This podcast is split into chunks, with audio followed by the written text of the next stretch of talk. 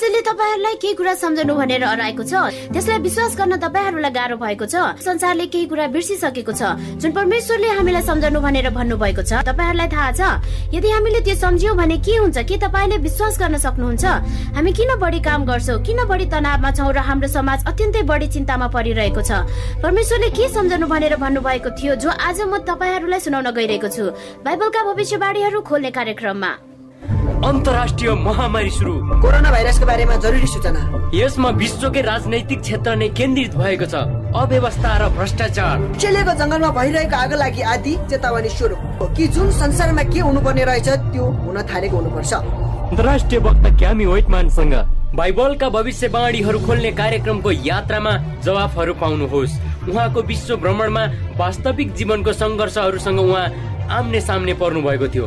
तर तिनीहरूको बिचमा उहाँले आशा पाउनु भएको थियो। बाइबल भविष्यवाणी खोल्ने कार्यक्रममा क्यामी वेटम्यानसँग सम्मिलित हुनुहोस्। कसरी बाइबलका भविष्यवाणीहरू द्रुत गतिमा पुरा भइरहेको जुन पहिला भएको थिएन अब उहाँले सिकाउँदै हुनुहुन्छ।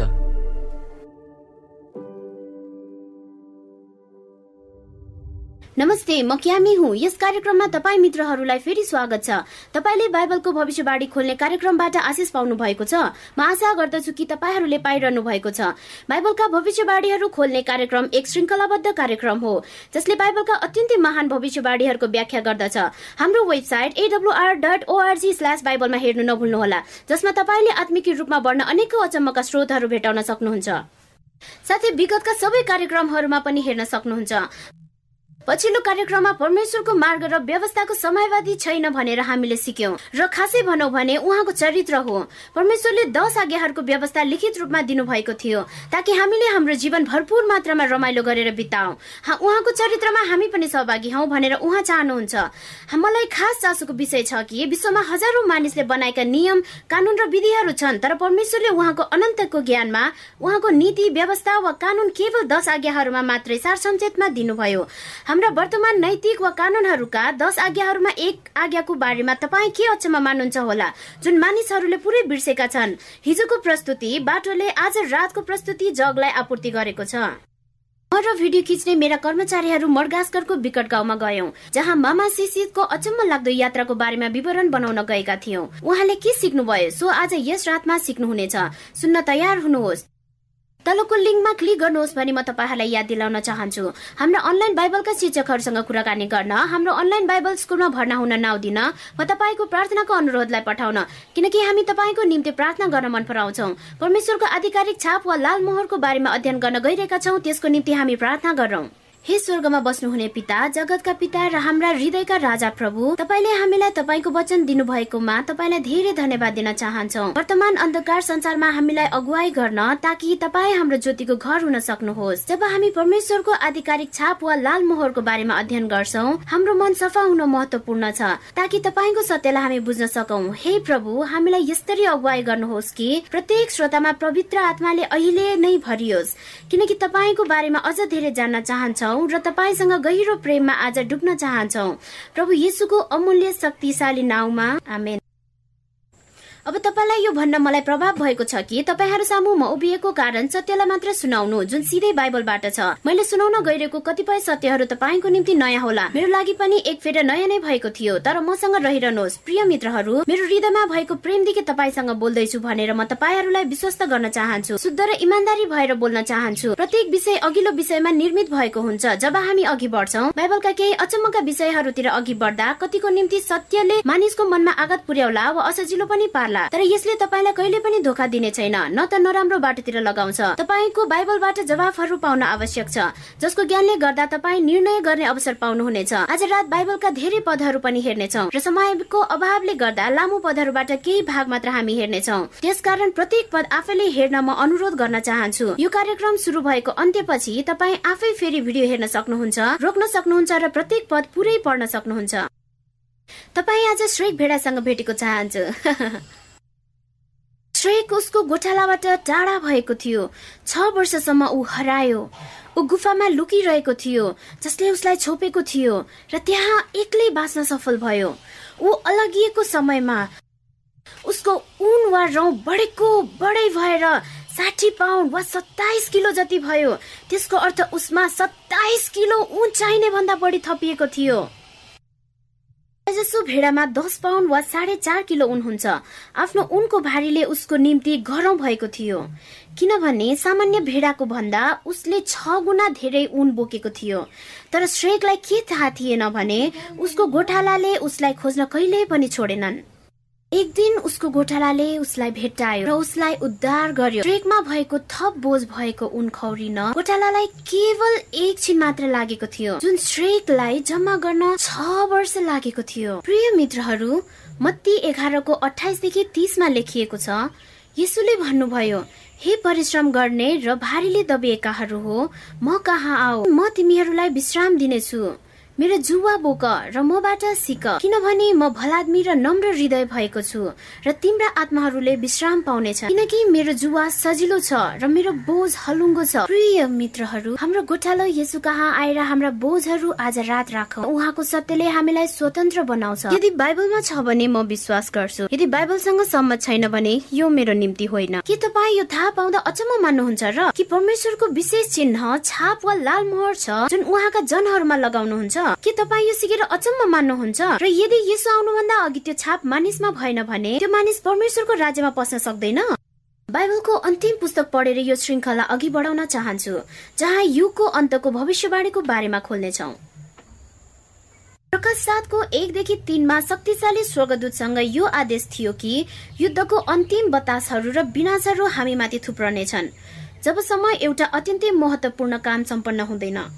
त्यो महत्वपूर्ण काम के हो त?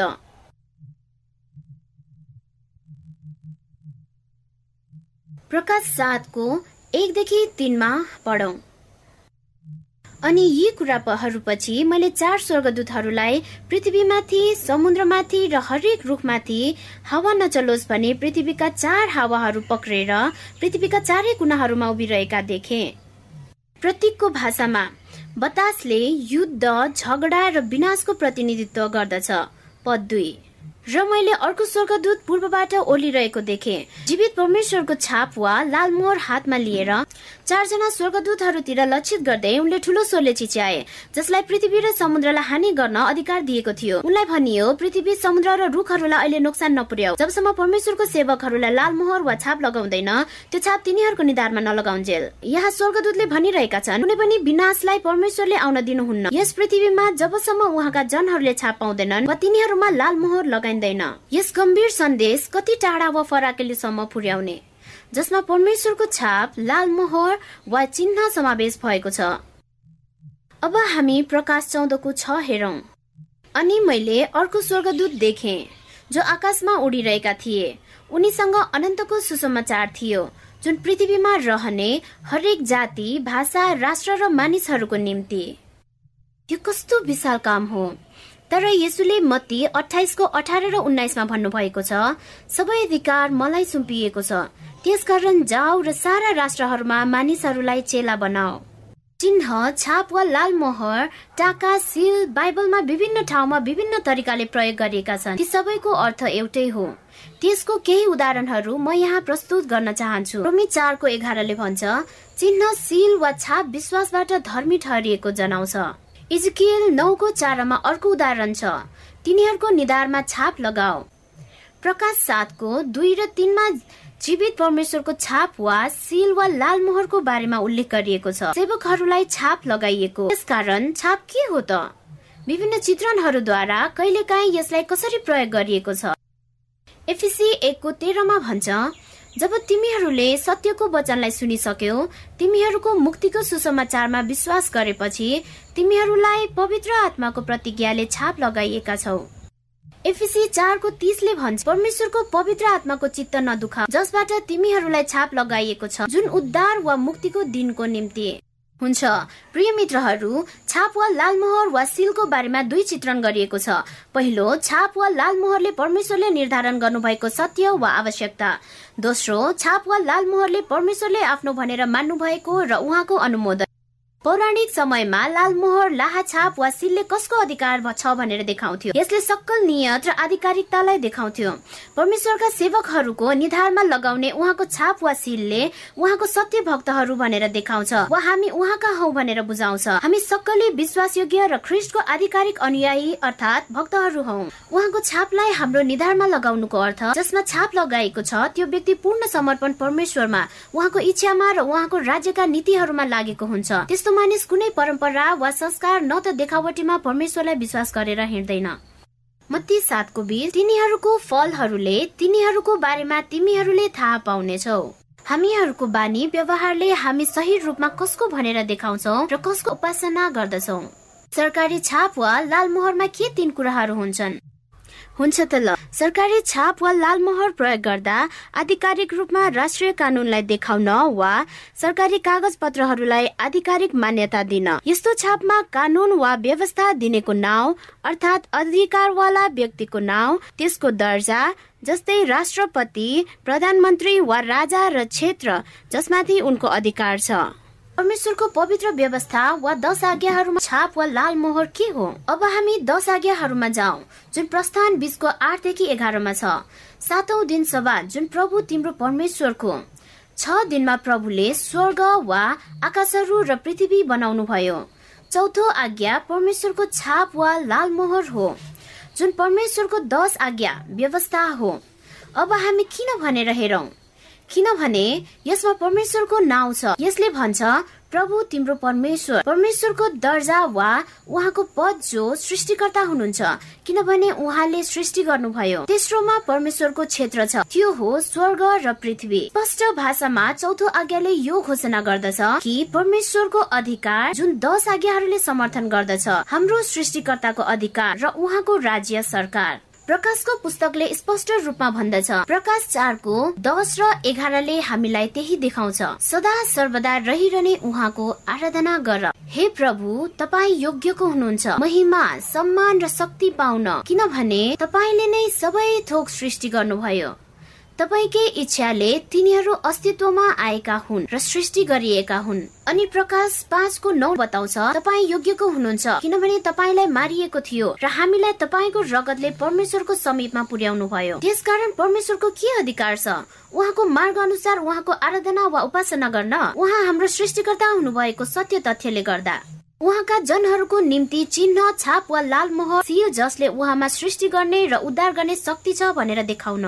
उहाँ आफैले हामीलाई भन्न दिनु प्रस्थान एकतिसको सोह्रदेखि सत्र। परमेश्वरले भन्नुभयो सबादलाई पालना गर्नु। सारा पुस्ताभरि वा पुस्तौ पुस्तसम्म सबादको विधिलाई मान्नु। यो शाश्वत वा निरन्तर रहिरहने करार हो। त्यसको अर्थ यो चिर वा स्थायी करार हो। यो मेरो र इसरायलको सन्तानहरूको बीचमा भएको चिन्ह हो जुन सधैँभरि रहिरहन्छ। छ दिनमा परमेश्वरले स्वर्ग र पृथ्वी सृष्टि गर्नुभयो र सातौं दिनमा उहाँले विश्राम लिनुभयो र ताजा हुनुभयो।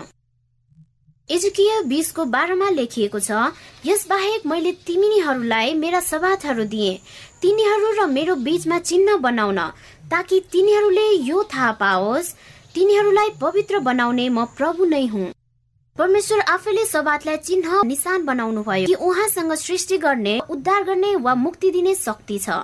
मैले यसलाई पवित्र भनेर पालना गर्छु। मैले उहाँलाई ग्रहण गरेको छु भनेर प्रमाणित गरेर देखाउँछु। कि उहाँ मेरो सृष्टिकर्ता र मुक्तिदाता हुनुहुन्छ। प्रकाश सातको महान स्वर्गदूतले यो चिन्ह भनेर कहाँ उल्लेख गरेका छन्? वा मानिसमा लगाउने परमेश्वरको छाप वा लाल मोहर?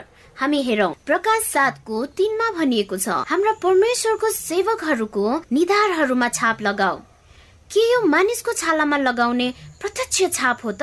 रोमी सातको पच्चिसले भन्दछ यीशु ख्रिस्ट हाम्रो प्रभुद्वारा म परमेश्वरलाई धन्यवाद दिन्छु। मेरो दिमागले परमेश्वरको व्यवस्थाको म आफै सेवा गर्छु। तर मेरो भौतिक शरीरले पापको व्यवस्था। प्रिय मित्रहरू निधारले दिमागको प्रतिनिधित्व गर्दछ। जुन मकसको मुकुट हो अरू सारा सृष्टिबाट हामीलाई अलग राख्ने एउटै कुरो छ। चुन्ने वा आत्मनिर्णय गर्ने र विवेक शक्तिको क्षमता ठिक र बेठिकलाई छुट्याउन सक्ने सामर्थ्य वा नैतिकता। हाम्रो मगजको त्यो एक मात्र भाग हो जसले विवेक शक्तिलाई नियन्त्रण गर्छ। यो फ्रन्टल लोब मस्तिष्कको अगाडिको भाग वा मस्तिष्कको अघिल्लो भाग जसलाई प्रिफ्रन्टल कोर्टेक्स भन्दछ। यस भाग प्रशासनिक वा कार्यकारिणी कामहरू गर्ने जिम्मेवारी हुन्छ। यो हाम्रो सोच्ने तर्क गर्ने मूल्याङ्कन गर्ने व्यवहार गर्ने र भावनाहरूको केन्द्र हो। फ्रन्टल लभ यस्तो महत्वपूर्ण भाग हो कि प्रभुले भन्नुहुन्छ यो आराधनाको केन्द्र हो। हामीलाई बुझाउन सूचित गर्न र निर्णयहरू गर्ने क्षमता मुख्यत यही मगजको मागबाट आउँदछ। जब हामीले परमेश्वरको सवादलाई मान्छु भनेर निर्णय दिन्छौँ तब हाम्रो दिमागमा हामी छाप लगाउँछौ वा चिन्ह लगाउँछौ जुन हाम्रो निधारले प्रतिनिधित्व गर्दछ। यसबारे सोच्नुहोस् शैतानको क्रोधलाई स्वर्गदूतहरूले नियन्त्रण गरिरहेका छन्। जबसम्म परमेश्वरका जनहरूले उहाँको चिन्ह वा छापलाई स्वीकार गर्दैनन्। परमेश्वरको यो कस्तो सदाशयता र दया हो। प्रिय मित्रहरू यो अहिले नै भइरहेको छ। कतिपय मानिसहरूले बाइबल सवादको बारेमा सिकिरहेका छन् र यसलाई स्वीकार्न निर्णय गरिरहेका छन्। परमेश्वरले सवाद कहिले बनाउनु भयो त? उत्पत्ति दुईको एकदेखि चार। जब परमेश्वरले जुन दिनमा पृथ्वी र आकाशहरू बनाउनु भयो छ दिनको सृष्टिपछि परमेश्वरले सातौं दिन अर्थात् शनिबारलाई सवाद बनाउनु भयो। केबाट परमेश्वरले सवाद बनाउनु भयो त? प्रस्थान बिसको दसमा लेखिएको छ सातौं दिन सबात हो। प्रभु तिम्रो परमेश्वरको। परमेश्वरले दिनको चौबिस घण्टालाई सवाद बनाउनु भयो। त्यो दिन सातौं दिन थियो। यो समयबाट बनाइएको हो र समयले नै परमेश्वरसँग न्यानो र प्रिय मित्रता अघि बढाउँदछ। उहाँको अमूल्य समयबाट चौबिस घण्टा मलाई प्रदान दिनुभयो ताकि उहाँ र म नजिकका साथीहरू हुन सकौं। यो वैवाहिक गठबन्धन जस्तै हो। जब दम्पतिले एक आपसमा समय बिताउन सकेनन् भने त्यो विवाह सफल हुँदैन।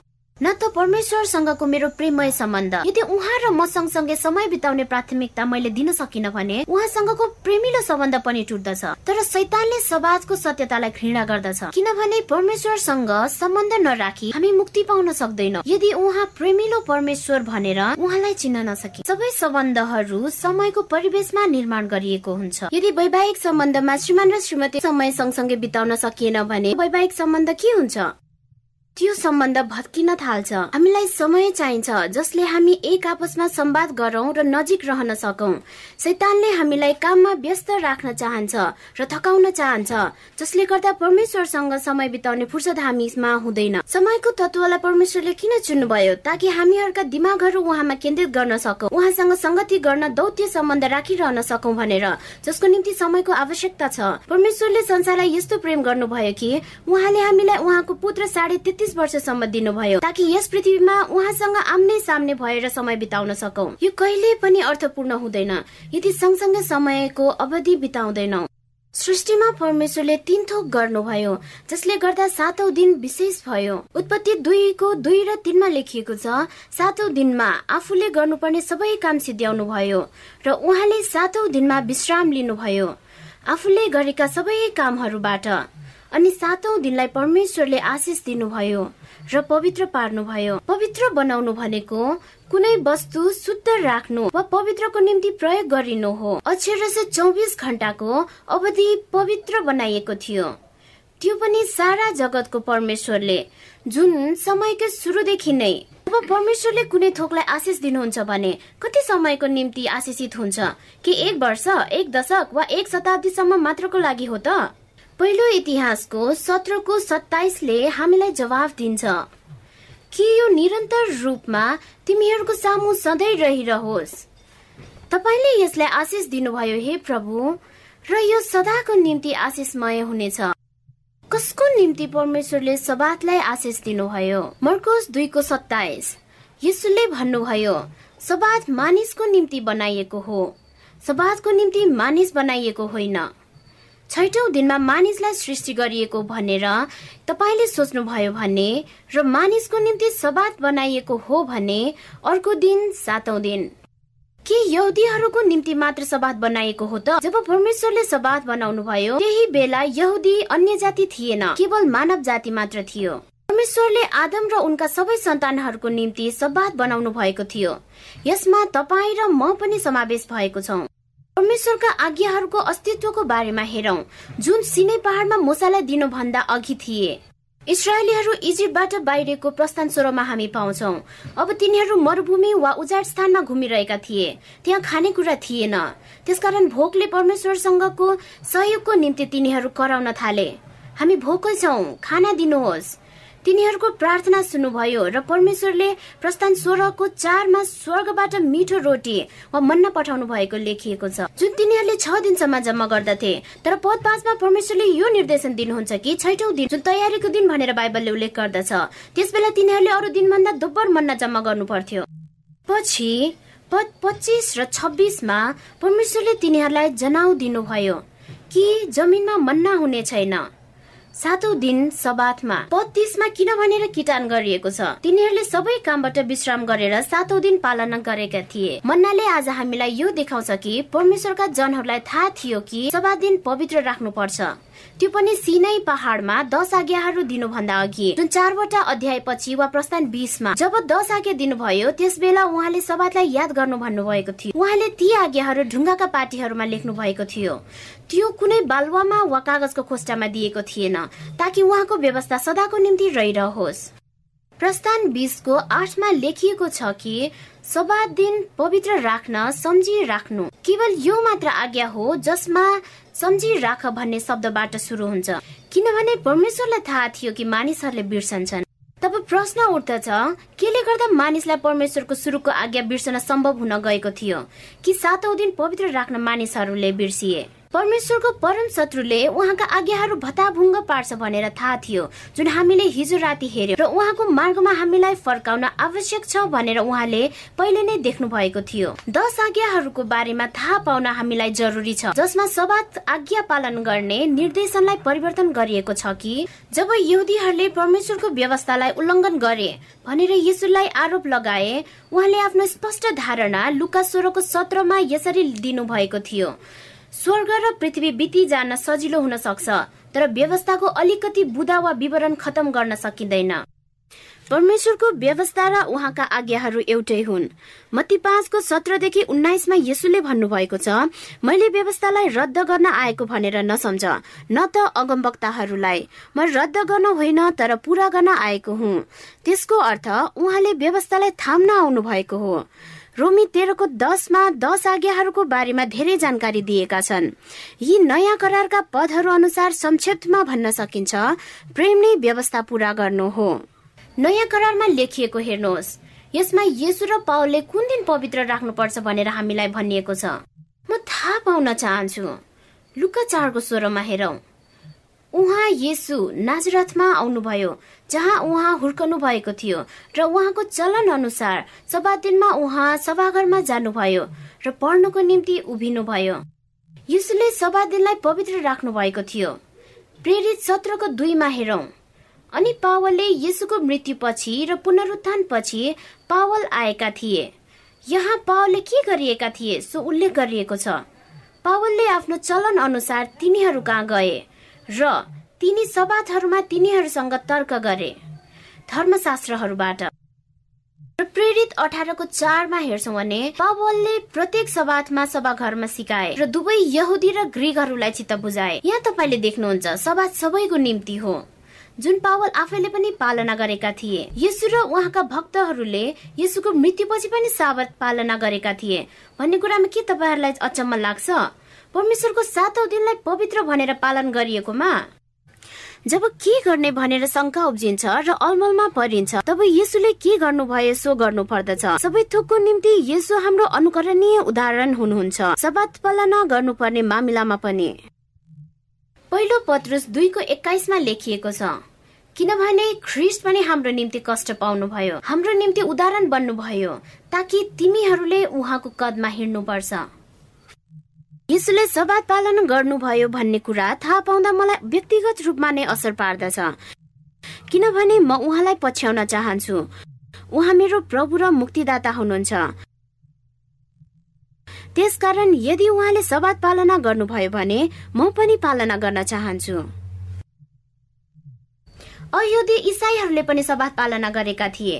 प्रेरित तेह्रको बयालिसदेखि चौवालिसमा हामीलाई भनिएको छ जब यहुदीहरू गए सभाघरहरूबाट अयहुदी वा अन्य जातिहरूले उनीसँग यो अनुरोध गरे कि ती वचनहरू अर्को सभामा पनि तिनीहरूलाई प्रचार गरियोस्।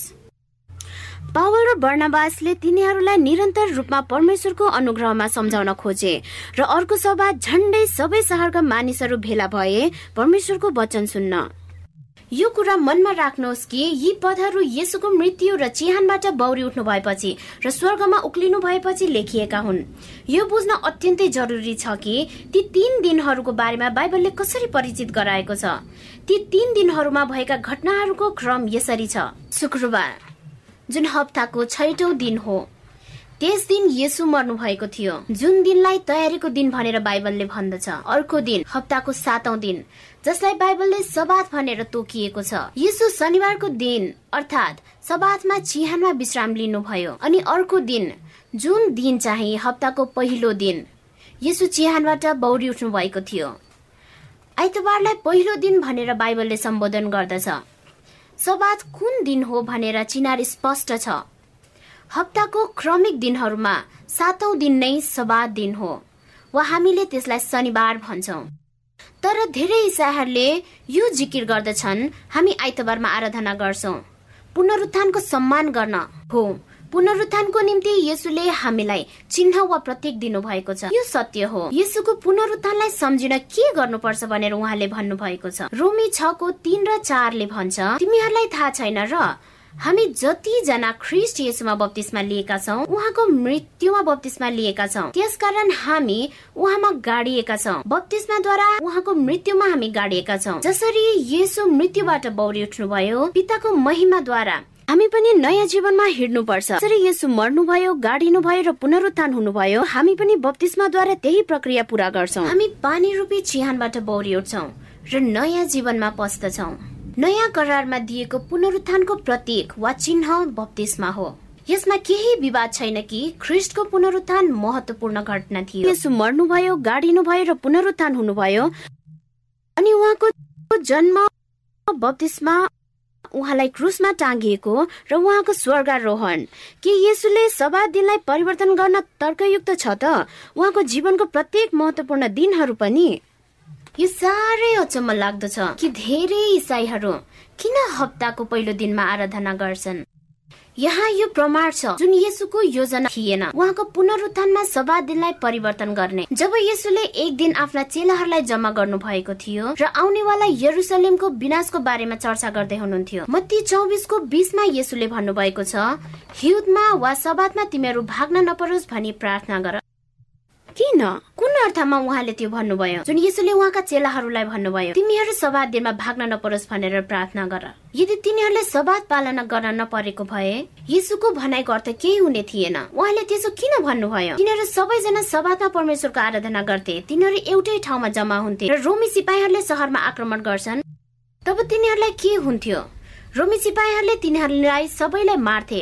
यरुसलेम सन् सत्तरी एडीमा नाश गरिएको थियो जुन यीशु स्वर्गमा उक्लिनु भएको धेरै वर्षपछि भएको थियो। परमेश्वरले सुरुदेखि नै सबातलाई आफ्ना जनहरूसँग गरिएको करारलाई प्रयोग गर्नु भएको थियो। यसबारेमा हामीले सोचौं कतिजना मानिसहरू हुनुपर्छ? कुनै करार वा सम्झौता बनाउन? दुईजना के ती दुईजनामा एकजनाले आफू खुसी करार वा सम्झौता बदल्न सक्छ र सक्दैन? के परमेश्वरसँग भएको हाम्रो करार बदल्न सक्छौ र उहाँको अनुमति बिना? उदाहरणहरूद्वारा म भन्न चाहन्छु पवित्र भन्ने शब्द अलग राखिनु हो। यो शब्द सबात र विवाहमा प्रयोग गरिएको हुन्छ। जब कुनै एकजना स्त्री अलग गरिन्छ वा एकजना पुरुषसँग पवित्र बन्धनमा बाँधिन्छ एकछिन विवाहको समारोहको बारेमा कल्पना गरौँ। एक सुन्दर दुलहा अत्यन्तै खुसी भइरहेको छ। जब उनी उनको सुन्दर दुलहीसँग विवाह गर्दैछ छजना दिदी बहिनी छन्। समारोहपछि ऊ उत्सुकता साथ आफ्नो कारमा पर्खिरहन्छ। सुहागरात मनाउन जाँदैछ। तर आफ्नै दुलहीका दिदी बहिनीहरूमा एकजना आएर कारको ढोका खोल्छिन्। उनको साथमा बसेर भन्छन् जाऊ। अचम्म मान्दै उनले भन्छ। मैले तिमीलाई विवाह गरेको होइन। तिम्रो बहिनीलाई पो विवाह गरे। यदि उनले यो जवाब दिए रे के फरक पर्छ र? म सातजनामा एक हुँ? प्रिय मित्रहरू हो के केही फरक पार्छ र? हो विवाहको बन्धनमा बाँधिएकाहरूका निम्ति फरक पार्दछ। केवल एकजना मात्र पवित्र बनाएकी थिइन् वा चुनिएकी थिइन्। केवल एक स्त्री मात्र जो दुलहाको निम्ति अलग गरिएको थियो। सबै सातजना स्त्रीहरू एकै थिएनन् जसरी सबै दिनहरू एकै नासका छैनन्। र सातै दिन दिनहरूमा एक विशेष दिन भनेर पनि बुझ्न नखोजौ। इसाई समाजमा प्रभुको दिन भन्ने शब्द हप्ताको पहिलो दिन आइतबारलाई जनाउँछ। किनभने कतिपयले प्रकाश एकको दस तिनीहरूले पढ्छन्। म प्रभुको दिनमा आत्मामा थिएँ। यसबारे धेरै अनुमानहरू गरिएका छन्। यस पदले यो भन्दैन हप्ताको पहिलो दिन प्रभुको दिन। मानिस जातिले प्रभुको दिन भनेर परिभाषा गर्न सक्छन्। तर जे उत्तम छ सो यसुलाई थाहा छ। आफ्नो दिन के हो भनेर उहाँलाई नै भन्न दिनुहोस्। मत्ती बाह्रको आठमा उहाँले भन्नुहुन्छ मानिसको पुत्र सभा दिनको पनि प्रभु हो। मर्कुस दुईको अठाइसमा उहाँले भन्नुहुन्छ मानिसको पुत्र सबातको पनि प्रभु हो। लुका छको पाँच मानिसको पुत्र सबातको पनि प्रभु हो। यसैया अन्ठाउन्नको तेह्र यदि तिमीले सवादबाट तर्केर मेरो पवित्र दिनमा आफू खुसी गर्यौ जुन दिन प्रभुको पवित्र दिन हो। हामीले स्पष्टसँग देख्न सक्छौ कि प्रभुको दिन सबासको दिन हो जुन सातौं दिन शनिबार हो। सयवटा भन्दा बढी पौराणिक र आधुनिक भाषामा हप्ताको सातौं दिनलाई सबात भनेर नाउँ दिएको छ। केही उदाहरणमा हेरौँ। अरबी भाषामा सबातलाई साबेत भनिन्छ। स्पेनिस भाषामा साबादो भनिन्छ। युक्रेनियन भाषामा सुबोता। त्यसै गरी तपाईँ यस ग्रहमा जहाँ रहनु भए तापनि विभिन्न भाषाहरूमा स्पष्ट गरी भन्दछ। शनिबार सबात हो। हप्ताको सातौं दिन। यस्तो विश्वसनीय स्रोतहरूबाट जस्तै बेलायतको रोयल ग्रिन बीच अब्जर्भेटरी अमेरिकाको नेभल नौसैनिक अब्जर्भेटरीबाट ठोकुवा गर्दछन् कि हप्ताको क्रम कहिले पनि परिवर्तन भएको छैन। फेरि हाम्रो सौर्य मण्डललाई हेरौं।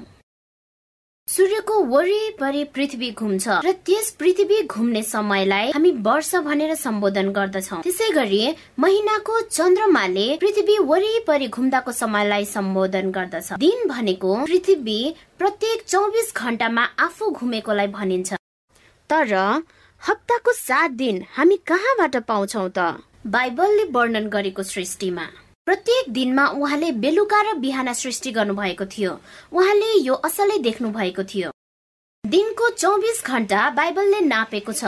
बेलुकादेखि बेलुका जुन घाम अस्ताएपछि अर्को दिन घाम नअस्ताएसम्म। त्यसकारण यस मामिलामा हामी स्पष्ट हौ। सबात कहिले सुरु हुन्छ र कहिले अन्त हुन्छ।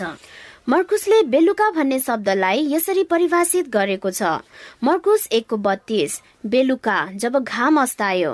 घाम अस्ताएको बेला। लेबी तेइसको बत्तीसमा बेलुकादेखि बेलुकासम्म। तिमीहरूले मेरो सबात मनाउनु। हामीले यहाँ हेर्यौं सबात घाम अस्ताएपछि सुरु हुन्छ। अर्थात् शुक्रबार घाम अस्ताएपछि। उत्पत्ति एकको पाँचले भन्दछ र परमेश्वरले उज्यालोलाई दिन भन्नुभयो र अन्धकारलाई उहाँले रात भन्नुभयो। त्यसकारण बेलुका र बिहान पहिलो दिन थिए।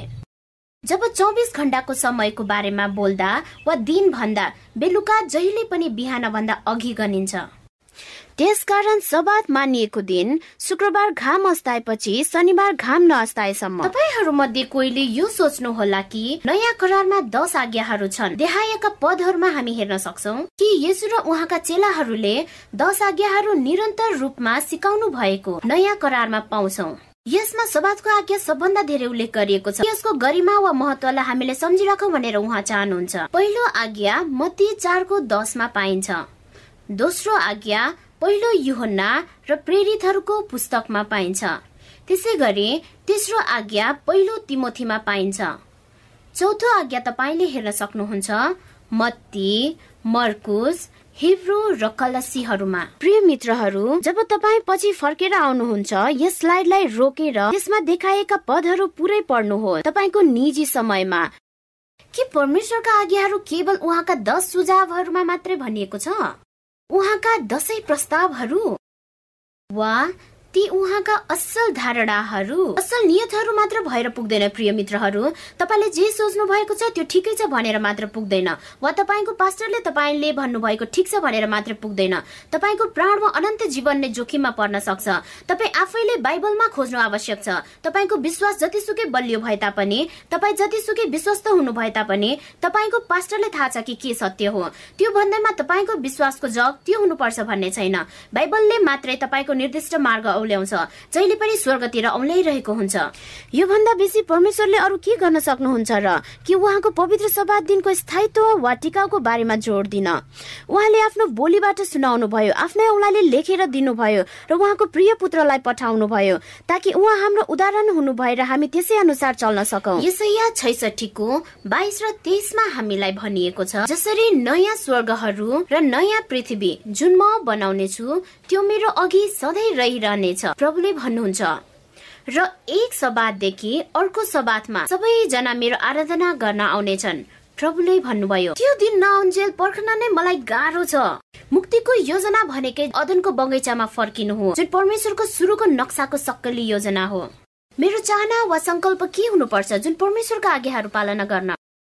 प्रभु प्रति मेरो प्रेम।